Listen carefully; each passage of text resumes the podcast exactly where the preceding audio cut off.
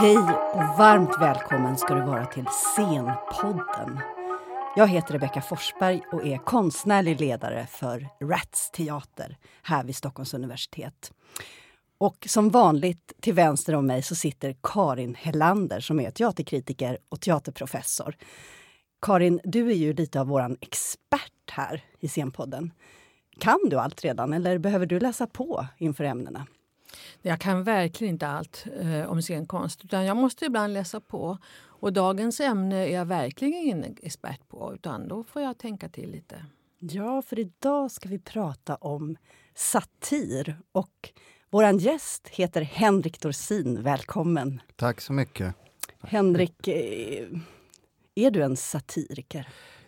Det tycker jag är svårt att säga att jag är. Mm. Eh, för att jag förutsätter mig inte att skriva satir. Jag sätter mig inte ner, nu ska jag skriva något satiriskt. Nej. Utan eh, jag sätter mig ner och tänker, nu ska jag skriva något roligt. Eh, men nu råkar det vara så att jag oftast hamnar i saker jag stör mig på eller irriterar mig på. Och det är saker som händer i vårt samhälle och då blir det kanske det man kallar för satir helt enkelt. Att man driver med företeelse eller politiska frågor eller mm. politiker. Mm. Eller, ja. Och, och, kan du bara liksom säga vem mm. du är för den som inte vet? Eh, jag är Henrik Dorsin då och jag eh, är eh, då komiker och manusförfattare får jag väl säga. Jag har varit med i Eh, parlamentet. Då är det blå partiet. Best, nu kommer Bäst offer. Nu kommer bäst och jag har varit med i Solsidan och spelat en roll som heter Ove Sundberg. Och sen har jag framförallt det kanske då eh, som är det, det jag tycker om att göra och det jag vill mm. göra, har jag skrivit egna föreställningar som jag gör där jag oftast sjunger eh, kupletter, kan man kalla det för. Eh, det vill säga texter, eh, roliga texter förhoppningsvis. Mm till musik då.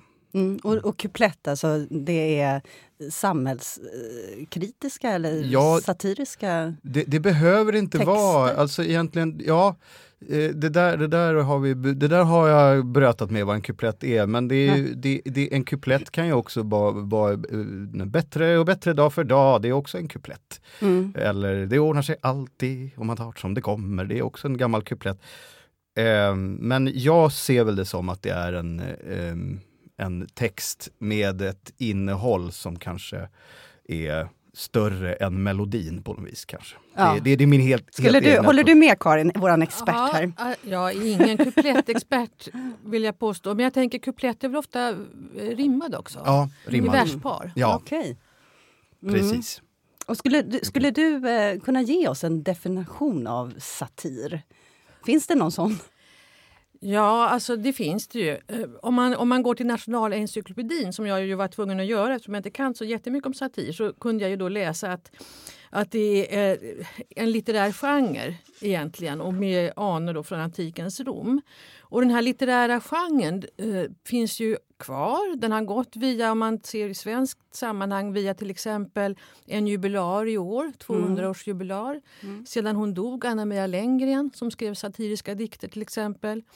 Man kan tänka sig satiriska romaner som Strindberg och Svarta fanor som var väldigt vass och gisslade sin samtid. Eh, men som scen konstsatir, då får man gå tillbaka tror jag till grekisk antik komedi, Aristofanes, som var ofta med väldigt dagsaktuella och råa och fräcka inslag. Och som eh, Molière på 1600-talet som skrev hyck, alltså som gjorde pjäser mm. om eh, satir över hyckleriet och mm. adeln. Och, överheten och läkarvetenskapen och så. Så att det är en litterär genre, finns både i dikt och prosa och, och som dramatik. Men sen som jag tänker som du Henrik, satir det är ju mycket en slags förhållningssätt som du säger. Att, att hur man betraktar och, och beskriver sin samtid idag mm. som kan gå över många genrer. Och idag tänker jag handlar det ofta om revy just eller ja. kabaré eller mm som i ditt fall nu operett kan du halka in i. Eller mm. det kan vara Där kan vi väl bara säga texter. att ja. Henrik eh, är ju aktuell just nu som eh, operettdramatiker. Ja, och charmör. Och, charmör, Inte minst. på stora scen Stockholm. Ja. Eh, Glada änkan, kan du berätta någonting om det? Eh, jo, eh, de eh, frågade från Operan om, eh, eller Operan ville sätta upp Glada änkan. Och, Ola Anders Tamberg som är regissör, han skulle regissera och då eh, var han väldigt osäker på hela det här eh, operett och Glada änkan. Varför frågar de mig och varför ska jag göra det? Och, Och då ringde han dig. Ja, då, då ringde, då ville han ha någon som gjorde en helt ny översättning och ny bearbetning utav Mm. den. Och då f- frågade de mig. Mm. Har, ville- eh, har du gjort det tidigare för opera? Nej, Nej? Nej, nej, nej, det var första gången. Ja. Ehm, och eh, jag eh, ty, tyck, och jag tyckte det kändes jättekonstigt och, och väldigt roligt. Och dessutom så har jag eh, haft ett visst intresse för operett. Inte så att jag är någon operettexpert, men jag eh, har, har, tycker om de här, som man säger, operetter, örhängena som finns. Jaha. För min eh, mormor och så var väldigt, tyckte väldigt mycket om operett Jaha. och då fick jag det med mig därifrån. Ja. Så- Lyssnade du på det som, som barn? Ja, eller? ja, det fanns ju närvarande på något vis. Ja. Det var ju den typen av underhållningsprogram på den tiden som jag tittade på mycket med sån här Bert-Åke Varg och Ulla Sallert kom in och så sjöng de någon, någon potpurri ur Chardas förstinnan. Eller något. Ja. Eh, Vita hästen eller något. Och, Ja. och, och då, mm, då så, eh, så, så kände jag att ja, det här, jag har ju lite koll på originalet. Mm. Och så började Ola Anders och jag prata om vad vi skulle göra och vi var överens om att vi ville göra någonting som var här, alltså var här och nu. För att när Glada änkan kom så var den väldigt modern. Och nu är den inte modern. Mm. Och den kom vilket år? Eh, eh, 1905, 1905. Ja, det är Ja, ju ett tag sedan. det är ett tag sedan. Mm. Så då ville vi kunna föra över den känslan Mm. i den här uppsättningen. Och då började vi prata om olika scenarion och det vi då kom fram till som vi tyckte själva var roligast, kanske då för att det var närmast oss själva, var att göra en satir då, nu sa jag ordet satir, Mm. men över, ö, över kultur-Sverige alltså och att vara på operan. Mm. Ehm, för att vi såg paralleller i, i, i originalet med de här ekonomiska bekymren och, och att man måste, eh, en viss person måste knytas till För att landet i bli det fallet. säljbart. Ja, ja, Mm. så, att det, ja, så då, då, då blev det så. så att, Mm.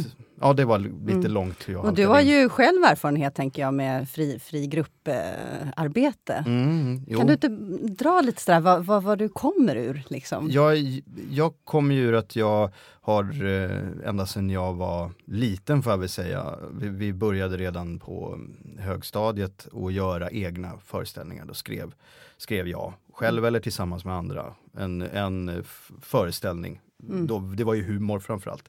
Men eh, om, om året och satte upp i aulan. Mm. Och, ehm, eh, och, och det, bara, det bara fortsatte. Så att Mm. säga. Vi fortsatte och sen så blev det mer och mer professionellt och man, alla, man, vi bröt oss ur på olika sätt. Och vissa jobbar nu som manusförfattare och andra jobbar med ljussättning och, och Musikproduktion. Och, musikproduktion Mm. och, och, Mm. jag fortsatte att göra egna föreställningar. Eh, och, och eh, ja, så, så att eh, min bakgrund är ju att, att göra själv helt Mm. enkelt. Att man eh, hjälps åt och Mm. ser till att det blir egna grejer. Och så gjorde vi även eh, vad man kallar för dramatiska eller seriösa som man brukar säga, teateruppsättningar inne i stan också. Mhm. När vi började, frigruppsgrejer. Mm. Så att, Vad blev det då för något? ja, vad var det för något? Ja, det var den här, vi gjorde no, det, någon version, där var jag bara med och spelade av, av V för Vendetta. Ja. Som är ett serie, ja, den sattes upp i en turbinhall i Järla sjö. Ja. Det gick åt helvete med den uppsättningen, det kom ingen publik. Men det var ett enormt ambitiöst projekt. ja, Och sen en föreställning som heter Djävulen som vi spelade i ett grottrum i Vitabergsparken. just det. det Där där. under. Ja. Ja. Men eh, jag tänker med satir och så, har du haft några förebilder? Ja, alltså, alltså jag har ju alltid, ända sedan jag var liten, lyssnat på Lyssnat säger jag för att jag hade skivorna och kassettband med, med Svenska ord, alltså med Hasse och Tage, som ju är, eh, jobbar mycket med satir. Mm. Eh, eller gjorde det, gjorde det mer och mer. Mm. När de började var de kanske inte så, så att, på. Då var de bara roliga. Ja, är det här 60-tal Karin? Det är 60, ja. Vi pratar. Ja. Mm. Mm. Eh, och sen så vi, via dem, jag, jag, jag sett det här som en, en liten så här, nästan som en liten utbildning, alltså att det blir svårare och svårare. Lite mer, alltså att först så lyssna på Hasse och Tage. Mm. Först Jönssonligan. Då, först Jönssonligan med, med, med Göst, Gösta Ekman. Ja. Då, liksom. Och så Ja. Gösta Ekman in i Svenska ord, Hasse och Tage. Och sen via Hasse och Tage, sen var det Povel Ramel, knäpp upp. Ja. Alltså Martin Ljung och, och, och Povel. Och sen så kommer själva kanske man kan kalla för magisterexamen då. Eller man ska kalla det för. Det var Karl Gerhard som kom sen. När jag hade lyssnat på allting som fanns så var det, det dök upp någon, det var referenser hela tiden till någon som heter Karl Gerhard. Och han är alltså pratar- 40-tal då? alltså Han är var 40, tidigare. ja, nej, han, Mm. han är aktiv från 10-tal fram till 60-tal. Mm. Eh, och då började jag lyssna på Karl Gerhard. Mm. Eh, så att det var det, och, och det för, från början för mig så var Karl Gerhard, jag hade en LP, men han var ju som en eh, schlagersångare Mm. tyckte jag. Allt, alltså, med att jag lyssnade inte på texterna utan det var sån här bara klämkäcka Mm. Ja, just melodier. det. Men han var ju riktigt vass. Han var ju vass. Ja, och, Så- och vart också, eh, alltså fick munkavel och så för, Ja, ja, för ja. en del grejer som han Ja. gjorde på, var det Oscars eller? Ja, det var folk, gamla Folkan. Folkan. Ja. Mm. Ökända hästen från Troja. Ja.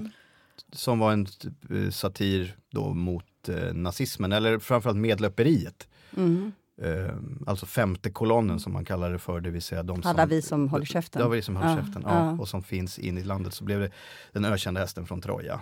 Eh, att eh, nazisterna finns redan här. Ja, När- vi, vi är redan här. Ja.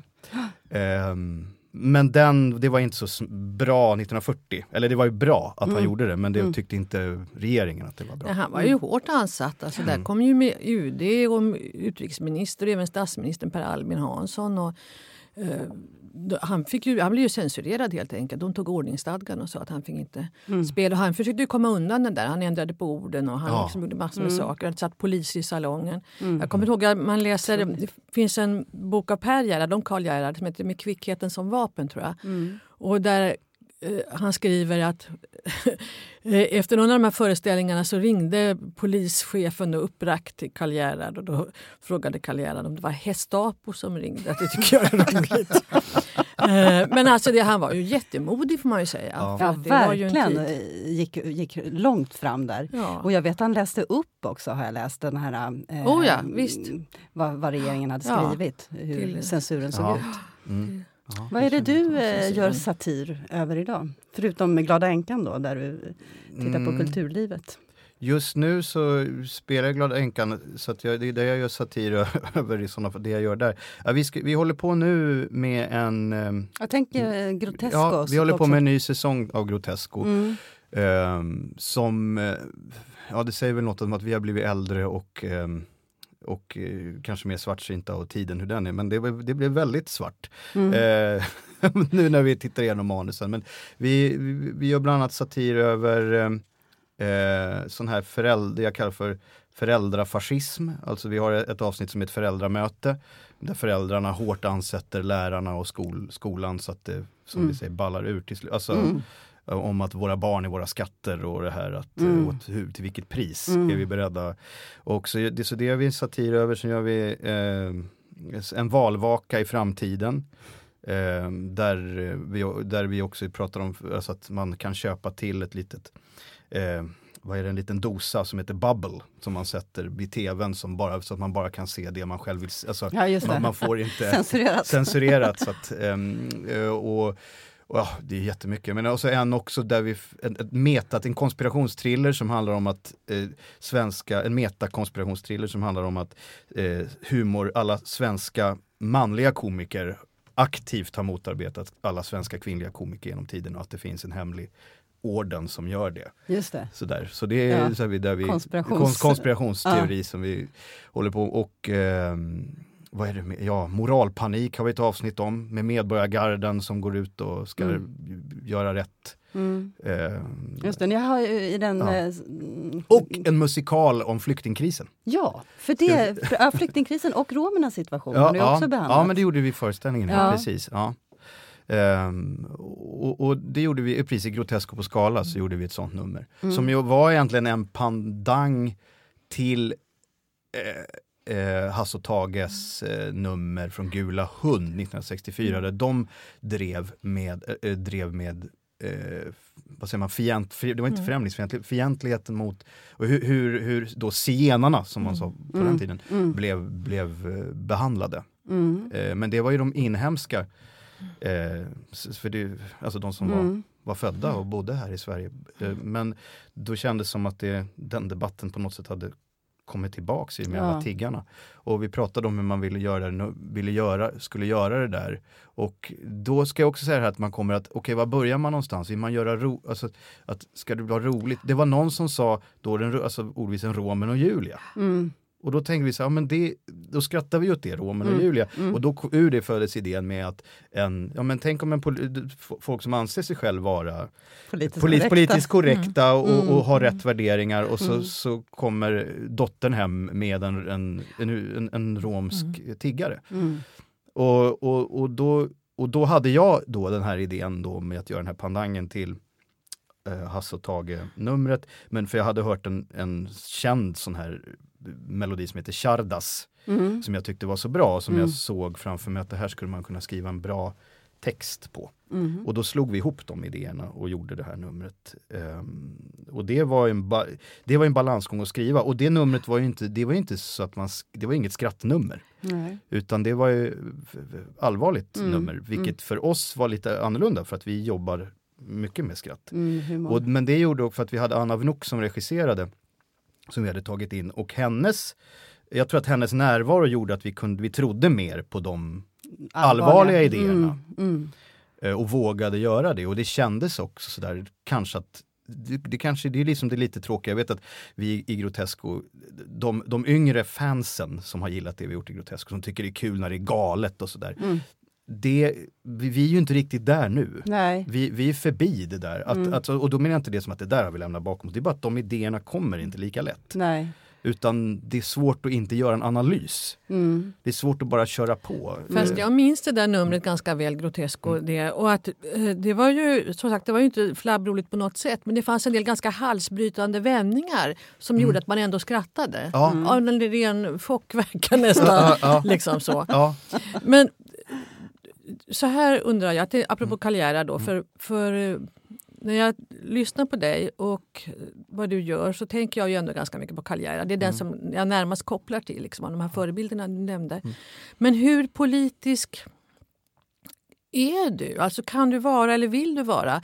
Det finns vissa frågor där du kan ta politiskt mm. eh, ta politisk ställning eller vara liksom vass ur ett specifikt politiskt perspektiv. Men du är, jag uppfattar ändå så ganska partipolitiskt obunden till exempel. ja. Eller hur, hur tänker du kring det? Jag, jag tänker så här att jag, ehm, jag tycker att det finns en anledning att bjuda in publiken. Alltså att, att, att få publiken med sig ehm, och sen lappa till.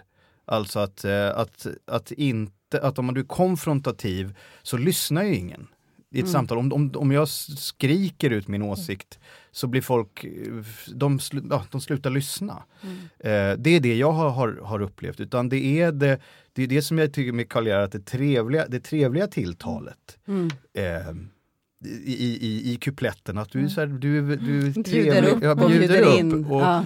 och, och det kan jag tycka att om jag tydligt sätter en, en, en, en politisk stämpel på mig själv så kanske folk redan från början slutar lyssna på vad jag, vad jag har att säga. Och, och dessutom så, så kan jag säga, alltså jag, jag, jag, visst, jag vet att jag, ligger jag ligger mer på den, på den gamla höger och vänsterskalan är jag, är jag till vänster.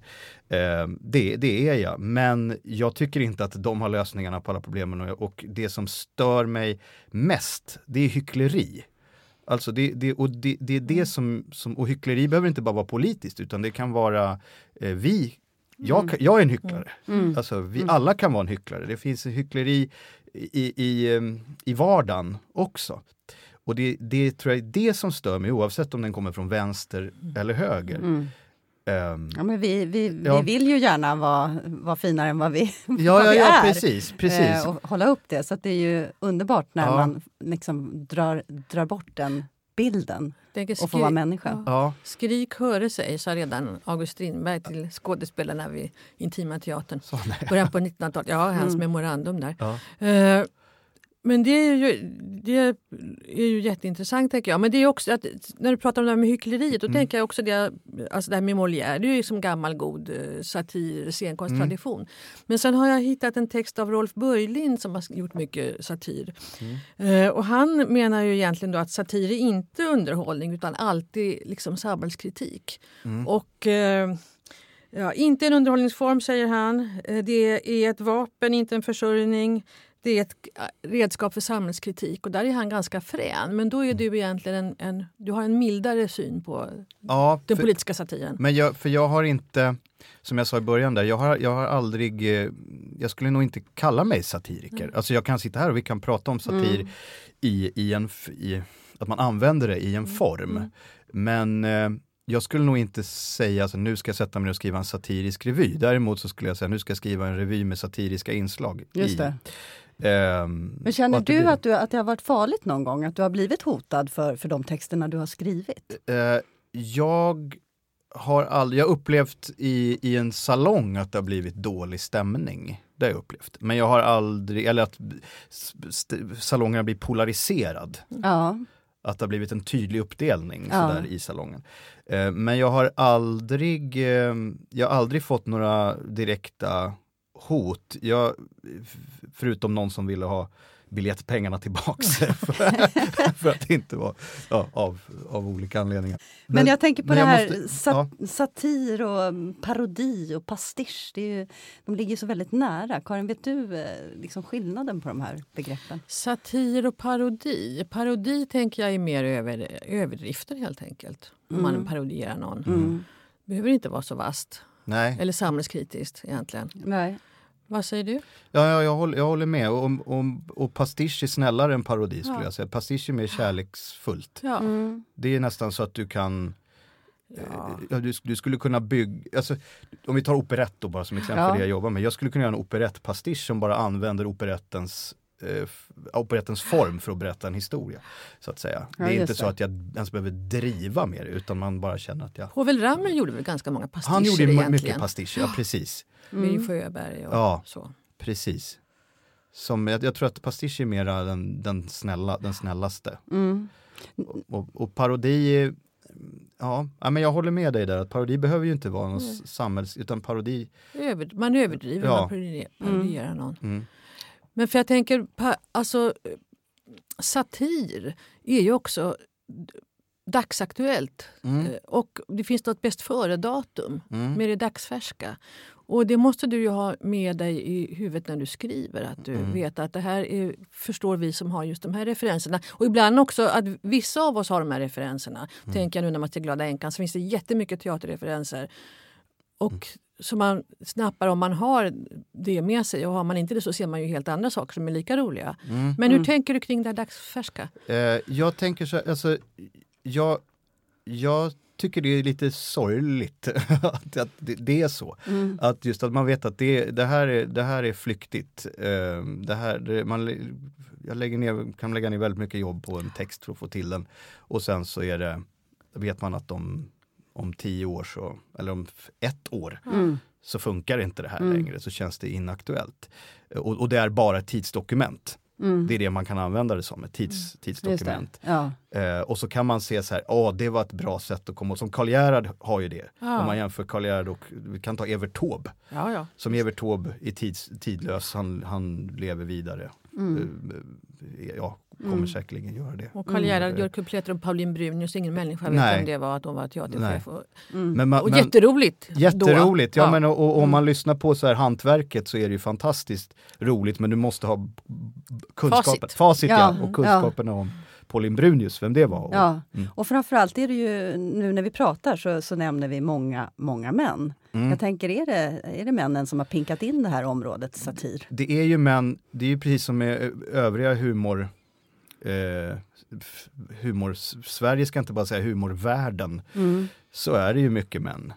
Eh, men på senare tid så nu finns det ju, blir det ju mer och mer, jag tror nästan det är mer kvinnor som har drivit, alltså jag tänker på systrarna Kronlöf och det har varit funnits stor feministisk satir. Mm. Som har, alltså mycket satir med, med feministisk inriktning Mm. som har kommit. Så Mm. jag tror att det har varit Livström. Lidström, Nour Mm. Refai, alltså mm. eh, ja vad heter det som handlas Nina Hemmingsson, alltså Mm, de som serietecknarna väldigt Mm. mycket.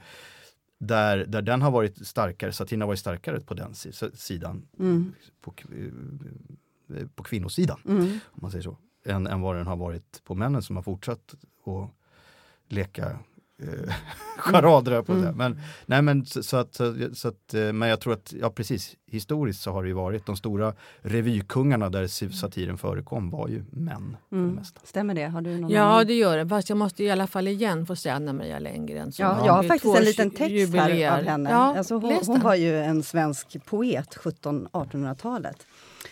Med läsning öd ej tiden bort, vårt kön så föga det behöver. Och ska du läsa, gör det kort, att såsen ej må fräsa över. Mm. Hon är ju fruktansvärt arg över att kvinnor inte får läsa Mm. och förkovra sig. Hon översatte ju fantastiska dikter eh, och texter. Skrev Stockholms-Posten. Ja. Eftersom jag sa förut att jag, eller jag förknippar det då ofta med Karl Gerhard Mm, när mm. jag tänker på eh, lik, alltså, tidigare eh, satiriker. Mm. Och där finns ju språk, språkbehandlingen och musikaliteten och elegansen Mm. som eh, är någon slags kännetecken, tänker Mm. jag, för både dig och Karl Gerhard.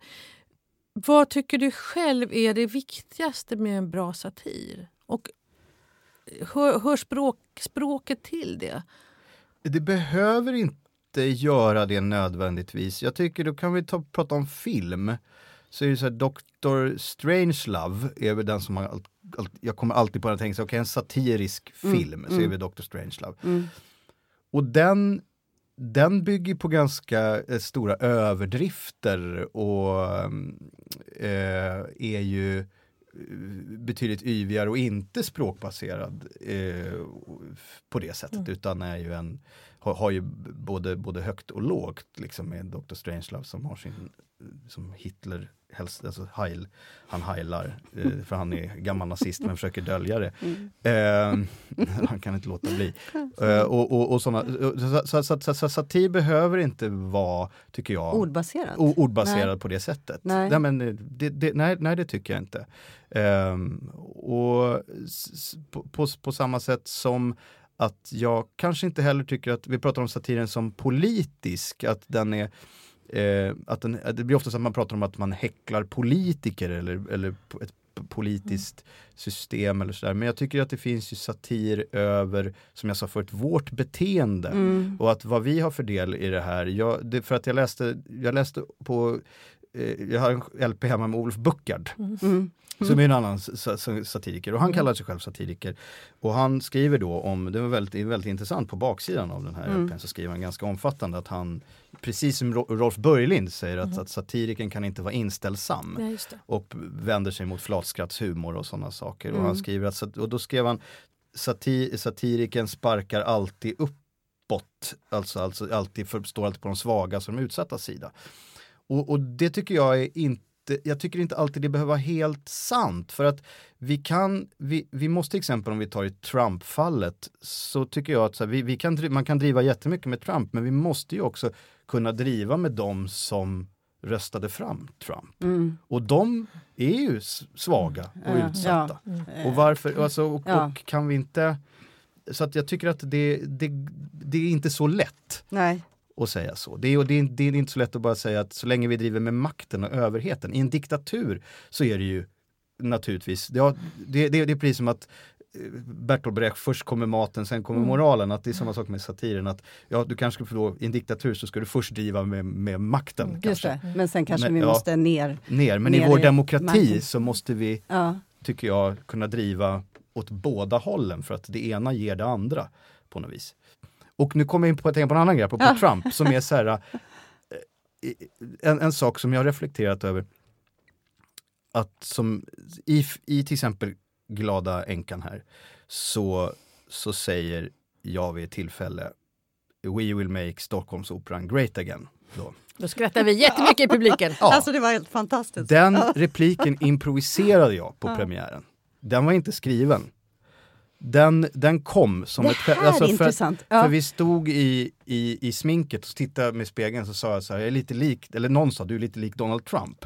och då sa jag den där uppe i sminket Ja. och så, så, så skrattade de och så sa ja men jag säger den i föreställningen. Ja, Också lite som så här desarmera premiärnerver. just det. Och, ehm, och samma sak i en replik då, han, då engelsman, han är, det är en regissör som är engelsman Mm. med i föreställningen och han säger Where's the exit? Brexit, säger jag. Eh, som jag har hört fel. Samma sak, det var också en improviserad replik på premiären. Jag vet inte varför de här grejerna kom på premiären, men det som är intressant måste jag säga nu, för det här kanske nu slänger Mm. in en liten, det är att egentligen så tycker inte jag att den satiren är så vass. Mm. Eh, För den satiren är ju bara att jag säger det alla tänker. Mm. Alltså just nu sitter vi alla, Donald Trump hade precis vunnit, eh, blivit installerad som president. Mm. Eh, hans slogan är det här. Men det, säger, det är ju bara något jag säger. Och, och det där har jag märkt när man spelar att ibland så behöver du bara gå in och säga Mona Sahlin. Mm.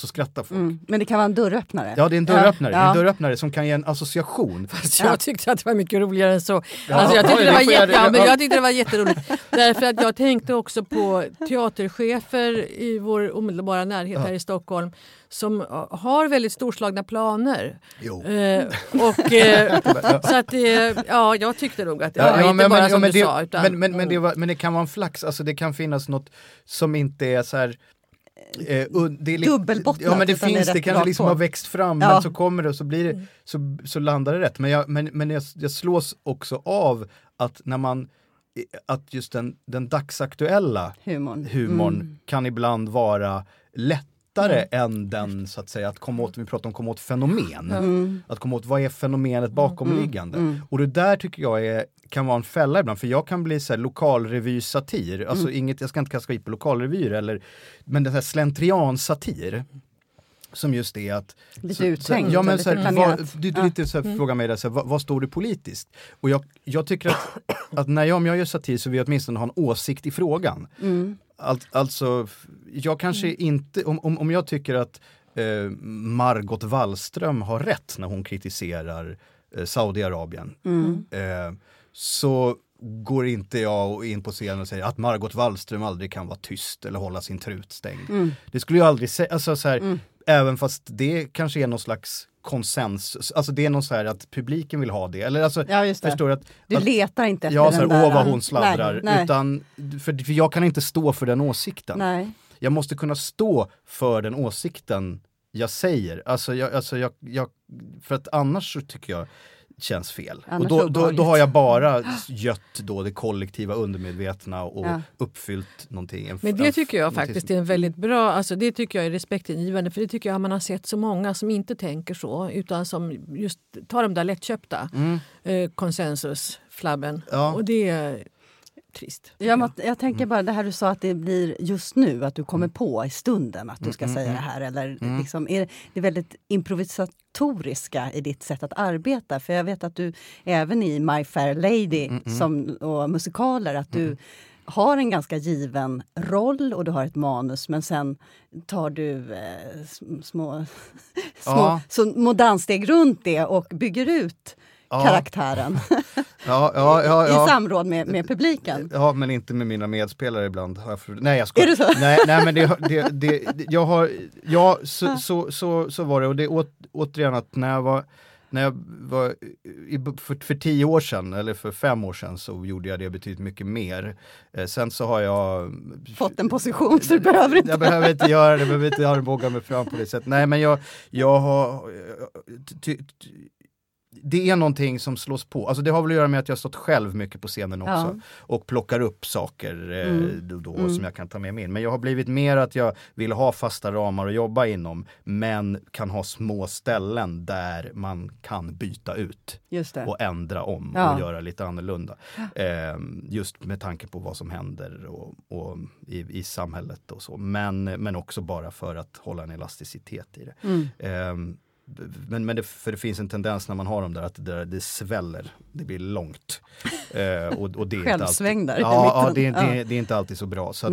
Eh, men, men jag tycker om att, att kunna ha den möjligheten. Jag, jag, jag skulle aldrig vilja göra en föreställning som bygger på det. Nej. Att man förlitar sig på Att det. Utan det måste finnas bra material. Och det är därför som jag då till exempel är noga med det, sk- det skriv, att det är bra material i grunden. Mm. Att, att ha bra text, alltså jag jobbar för att ha bra texter Mm. och jobba med. Mm. Så att jag kan inte förlita mig på att de där grejerna kommer. Nej, och jag inte tänker också att du måste ha en åsikt om, om ganska mycket då. Jo, också ja. för, att- för att veta, jo men just politiskt och, och samhällskritiskt, var, Mm. vart du står. För att eh, inför en så stor publik säga någonting Mm. som inte är grundat Ja, eh, skulle ju vara väldigt obehagligt. ja, ja. ja. ja. Så- Pratar ni mycket politik eh, hemma eller på teatern? Eller var, var Ja, får du din näring? Jag pratar ganska mycket politik. Eh, det gör jag. Eh, det tycker jag är, är intressant eh, att göra. Mm. Och, och, och, så. och så när vi jobbar med Grotesco så pratar vi ju, nu är vi några stycken som kanske är mer politiskt engagerade än andra. Mm. Så vi pratar mycket politik och det blir oftast vi som gör de mer politiska Mm. in, inslagen då så att säga. Ehm, nej, nej jag, jag, jag tycker det är intressant. Sen så, jag, sen så ska jag inte säga att jag är, är väldigt på jag, jag skulle ha svårt tror jag att klara mig i en, eh, politi, eller en, deb, en debattsituation eller i en, eh, så att säga, i en politisk diskussion eh, bara där massa människor har olika åsikter och jag Mm. ska slåss för min åsikt. Jag behöver verkligen sitta ner och tänka i lugn och ro. Mm. Eh, Så det skulle vara min mar det är liksom en mardröm att jag skulle bli tvungen att sitta i Opinion live på SVT det, och försvara försvar. något Ja. jag har skrivit. För, jag, för alltså jag, jag står för det jag skrivit men det är lätt, jag känner att jag behöver den här att sitta ner och tänka ordentligt och, och väga Mm. orden. Mm. Eh, och i en sån här situation där munnen bara går så är det lätt att det halkar snett och blir, ja, just det. blir Det blir fel. något jätteknasigt. Ja, och det, det, Du är ju ganska folklig. Tänk, eller hur? Jag tänker julvärd och sommarprat och sånt Ja. som du också gör och parlamentet och så. Finns det en risk att eh, bli för välanpassad eller Det, det är det Olof, bara jag återvänder till det här skivkonvolutet med Olof Buckard. Han, han anser ju det. Eh, när han skriver om, om vi pratar om att vara satiriker, så skriver han att om man blir för eh, då välvilligt inställd mot publiken eller publiken är för välvilligt inställd eller hur han nu formulerar det så, så finns det en risk för att man tappar den satiriska skärpan. Att man eh, då vill bli omtyckt. Och jag vill bli omtyckt. Eh, jag, det är därför jag någon gång har börjat med det här för att jag eh, var, är- var ganska blyg som barn och, och fortfarande. Och, och då att få, få stå på scenen och ta väldigt mycket plats Mm, då. Och mm. visa, och det, men det finns ju ett behov av att bli omtyckt och, och det går ju då stick i stäv med att vara obekväm. Ja, just det. Eh, och just den här gången när jag upplevt att jag polariserat en publik. Det är en ganska, vissa går igång på det tror jag. Ja. Vissa tycker det där är härligt att bara känna, oh, ja. men jag gör inte riktigt det. Nej. Ehm, jag, och, och, och, och sen ska jag väl säga det att det kanske, det kanske ändrar sig nu för att jag har ändå varit, varit verksam nu när jag har varit verksam i vad det nu, ja, de, om vi räknar, vad vi räknar ifrån, men ett- de sista- senaste 10 åren, 20 åren, 30 åren har ju varit inte så turbulenta som det känns att det är nu i alla fall. Mm. Alltså politiskt Nej. det som händer. Alltså att det är, det, det, du, du, du gör folk lättare upprörd nu. Eh, det händer saker, det finns liksom, det är polariserat och det, Mm. världen är i någon slags brytningspunkt som Mm. gör att satiren kanske har en större roll att spela men också det är lite mera läbbigt. Mm. Eh, det kanske just är att du kan inte göra en föreställning med satir utan att polarisera en publik. Nej, Varför skulle de driva med Sverigedemokraterna? De förstörde ju allting när de tog in dem där. Det var jätteroligt tills de här romerna kom in på scenen och fick vi det där nedkört i halsen. det. Mm. Just det. Eh, Det, det, det, det, det, det är ju så, jag tror inte att det skulle varit så för tio år sedan på samma sätt. Att det just är så känsligt. Mm. Att man, Tror du att vi kommer se mer av, av satir nu framöver? åh, ja, Kanske finns ett Kanske, behov nu? Att, ja. Det fin, men, precis, men det finns ju också ett behov, och det där är det som är... Det, det finns ju också ett behov av, eh, av enande. Det finns ju också behov av att vi kan kunna samlas kring saker. Mm. Att kunna samlas kring eh, glädje. Alltså, jag kan känna en mättnad till exempel på, på, på när vi pratar om, vi, vi gjorde satir på Sverigedemokraterna och väldigt mycket inne på Sverigedemokraterna i början när de kom in i riksdagen och innan dess och, Mm. och sådär och fortsatt. Och till slut så är det så här, nej men jag ork, orkar inte längre. Alltså, Lägga så mycket kraft Nej, nej, det Nej. blir nästan tjatigt. Det blir inte, Ja. ro, det blir, det blir Det är som Trump roligt. också, Ja, man precis, är lite mätt bara- nu. Liksom. Ja, det blir, det blir vad, vad, ska, vi, vad ska vi göra? Och samtidigt så får man ju inte tappa det, men det får ju inte bli tråkigt. Alltså, det, det är det där och då blir det kanske roligare, då roligare att jobba och rikta udden någon annanstans. Mm. Men det är ju också ett problem för att man måste, man, man får ju inte lämna dem man får inte bara lämna dem, utan Nej. man måste ju driva, Ja. fortsätta driva med det. Men det, Mm. Men man kanske inte ska ge all den uppmärksamheten. Nej, man ger all den Mm, upp, det, mm. det blir- blir en sån, och, och, och, och på samma sätt också att då att pub, publiken då, under- som, och, och, det kan vi prata sen då, men alltså att publiken kommer eh, inte, den, den kanske bara då vill ha, så, nej, men det är ju det här hela tiden så att nu går vi, nu vill vi bara ha lite härlig underhållning, lite, Ja. lite trolleri och, Ja, och, och så. kom inte in med något mer. Nej, nej, nej. Och det tycker jag ju, det kan man ju inte underblåsa. Men man, för att då, det gäller ju att fortsätta. Men, men samtidigt så är det så här om man bara predikar för kören. Om det Mm. bara kommer sådana som, Mm. som tycker att så här, ja, Dorsin han har minsann Mm, rätt åsikter. rätt åsikter Ja. och tycker där, där får vi. Då blir det också fel. För man vill ju ha de här som kanske då kommer hoppas att de ska få se Ove i Solsidan och så får de Något annat. något annat. Ja, men då, då, Men då är det också fördomar, tänker jag. Så hur, fördomar är också intressant att fundera över. Också kan det hända att när du försöker att som sticka hål på fördomar, att, man, att det kan bli tvärtom-effekt, att man nästan eh, stryker under dem, att de uppfattas fel. Eller att, jag tänker Mm. också med förolämpningar och eh, det går så fort nu, Ja. sociala medier. Ja, ja, ja alltså det, det, det är som att, eh, att det vill missförstås. Ja. Mm. Ja, man vill kunna misstolka det och att den, jag eh, pratade med Edvard af Sillén som har varit, han har ju gjort eh, Melodifestivalen som ju är liksom ett, vi pratar om ge, ett Mm. getingbo. Ja. Eh, som, som alla tittar på och du ska tillfredsställa. Och han, han sa det, han började väl 2008 eller 2009 och jobba med det. Och han sa nu att, att det har blivit så känsligt, du kan inte göra någonting. Då Mm. var det inga problem, du gjorde med, med vad Du kan skriva man och skoja Ja, vad som ja, helst. ja. Men nu så är det minsta lilla grej så, så rasar folk. Mm. Så folk, folk har, det, det har blivit lättantändligt. Ja, lättantändligt och, Mm. och, och lättkränkt. Men det kommer kanske till och med slå över, för om du tar till exempel satiren i, i USA Mm. så tänker jag på South Park och Book of Mormon. Mm. Och eh, där, där man så att säga då, om, om bara kompassen är rätt, Mm. om man bara vet vad det är man driver med, vart man ska, så kan man bara köra på. Mm. Och bara, om, man bara, om man bara vet att det är det här vi driver med och vi väljer bort det där skämtet och det där skämtet. Mm. Men då, då, då kan du...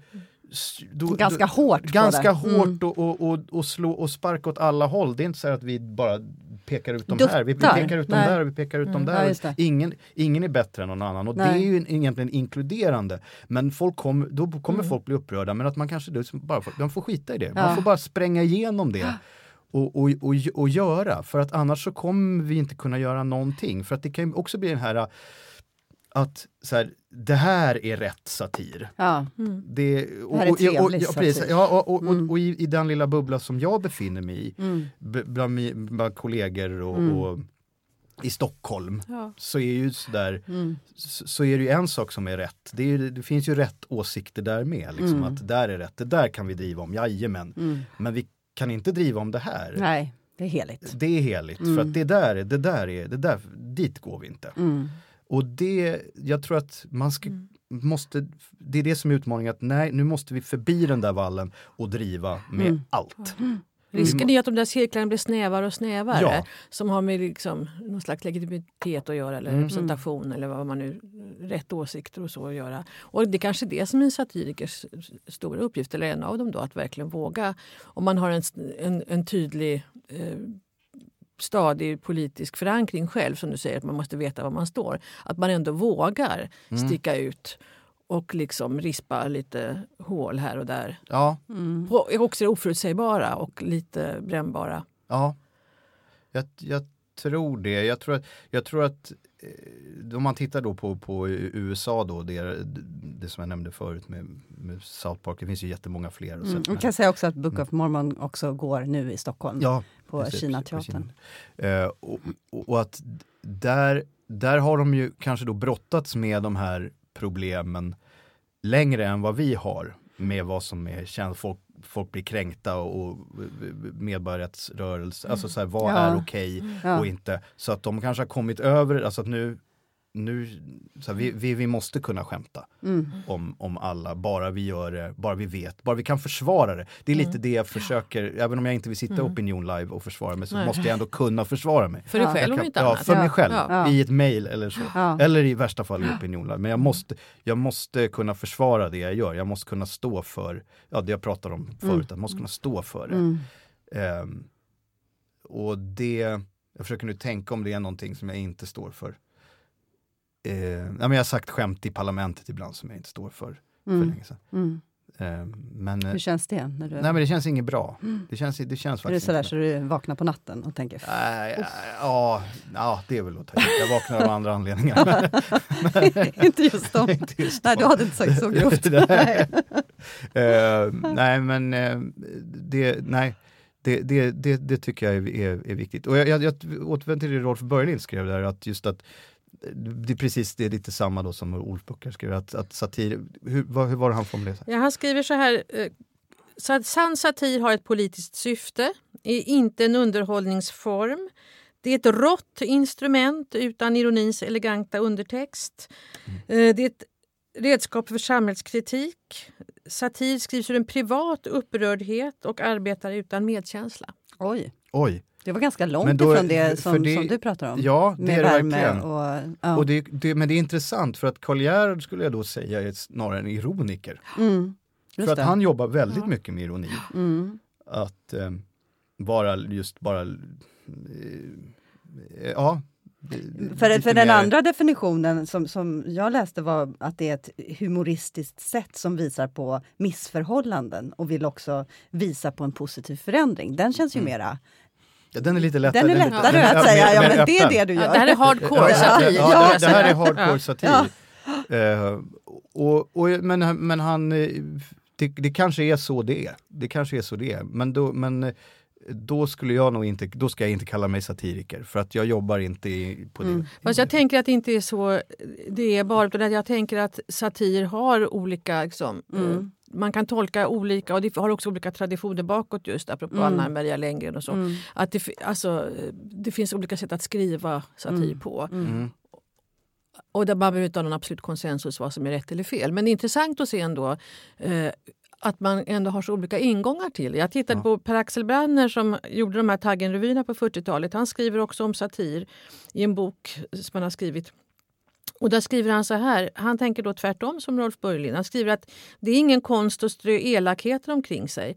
Den satir som verkligen biter, den elakhet som har den rätta taggen, måste träffa något som bakom personen når fram till en allmängiltig sanning eller klandervärd mentalitet. Mm. Så det är ju mm. ett annat sätt. Mm. Det är ju det som, och den som Henrik pratar om. Ja jag ska inte skriva under på för att jag tycker Rolf Burlin har en poäng. Jag tycker den är, det är ganska skönt mm. med sån hård beskrivning. Ja, jag tycker det är Väldigt fyrkantigt. Satirfundamentalism. Ja, Satirisk fundamentalism. men, men då, då, vet man ju också vad det är man gör. Ja. Alltså, han har ju absolut definierat för sig själv. Det är det här jag menar. Och Svarta fanor skriver Ann Strindbergs. Det är bra men ta bort täcknamnen. Liksom. Kalla Ellen Key för Ellen Key och inte för Hanna ja. Paj. Då går det bra. Det ska liksom vara verkligen Och Aristoteles då? Alltså, Aristofanes. Mm. Aristofanes eh, pratar om retoriskt grepp. Ja. Men här pratar vi också om att det kan vara, eh, behöver inte vara i ord, utan det kan vara rörelse. Ja men det kan ju vara en te teckning, teckning också, bild. Men oftast ja. är det ju någon slags bildbubbla, som, eller mm. pratbubbla, mm. så man förstår vad det handlar om. Mm. Men om en, om en satir kräver ju ord. Mm. Det skulle jag nog ändå säga. Alltså, mm. Även en, om vi pratade om Dr. Strangelove förut så kräver ju det repliker, alltså att du formulerar det. Det är ju inte, det är inte Ja, nej, nu nej, tänker jag tänka på Chaplin. Ja, Chaplin, Chaplin, Chaplin och ju, Anna Wnok. Anna Wnok, ja, ja visst. Så det finns ju, Tusan. Det, ja. det, nej, det, nej, det tycker jag nog inte. För alltså, jag menar, sen ska vi se, ja, Chaplin gör ju, finns ju, alltså hans tydliga satir är väl diktatorn då. Mm. Och där kan man väl se, ja, när Hitler, då Hünkel heter han väl där, Hitlergubben heter, kallas väl Hünkel. Han bollar med jordgloben och sådär i någon slags dans. Det är väl, ja det är väl Mm. också en form av satir. Satir. Ja men att det, Mm. i sin tid, då kommer vi tillbaka till att i sin tid var det där Mm. väldigt Jättestort. jättestort och kontroversiellt. Ja. Då. Ja. Framtiden nu, vi ska börja avrunda här, så jag Mm, vill bara höra någonting om, om vad du är i, eh, ja, inom kort. Eh, inom kort, ja som sagt nu går vi igång med, med eh, inspelningen av Grotesco säsong 3 för SVT. Eh, och det kommer jag hålla på med hela våren. Och sen så ska jag vara med lite i en Solsidan långfilm som ska göras. Som spelas in innan sommaren. Sen så tänkte jag vara ledig. Men jag måste sen börja planera Scalateatern där jag är delägare fyller 100 år. Mm. Du är teaterdirektör. Ja, teater, ja, Mm. det är ett, ja Mm. äntligen en titel. Ja. Eh, men, men s- som 1918 Huset är byggt 1916 men det var biograf från 1916 till 1918 så det har varit teater, själva Scalateatern, teaterscenen har funnits i eh, 100 år. Oj. 1918 så att Och det blir fest. Vi, vi ska göra något, ja någonting måste göras där för att uppmärksamma det här. Får göra en hyllning till Fria Proteatern och spelade allt det där på Ja, 70-talet. Precis, vi, Ja, det, det finns mycket där. Ja. Ja. Ja, så att eh, vi, ja, vi håller på nu och Ja. funderar på vad det skulle kunna vara. Tack Henrik Dorsin för Tack. att du kom hit och knepade och knåpade kring ämnet satir. Och tack Karin för all fördjupning som du hade med dig idag. Eh, vi är tillbaka om två veckor med en ny gäst och ett nytt ämne. Glöm inte att lyssna på oss då.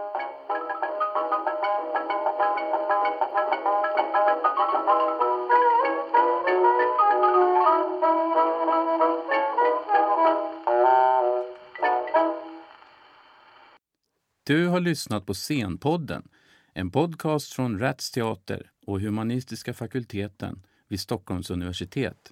Podden spelas in på Språkstudion och tekniker är Henrik Nordgren.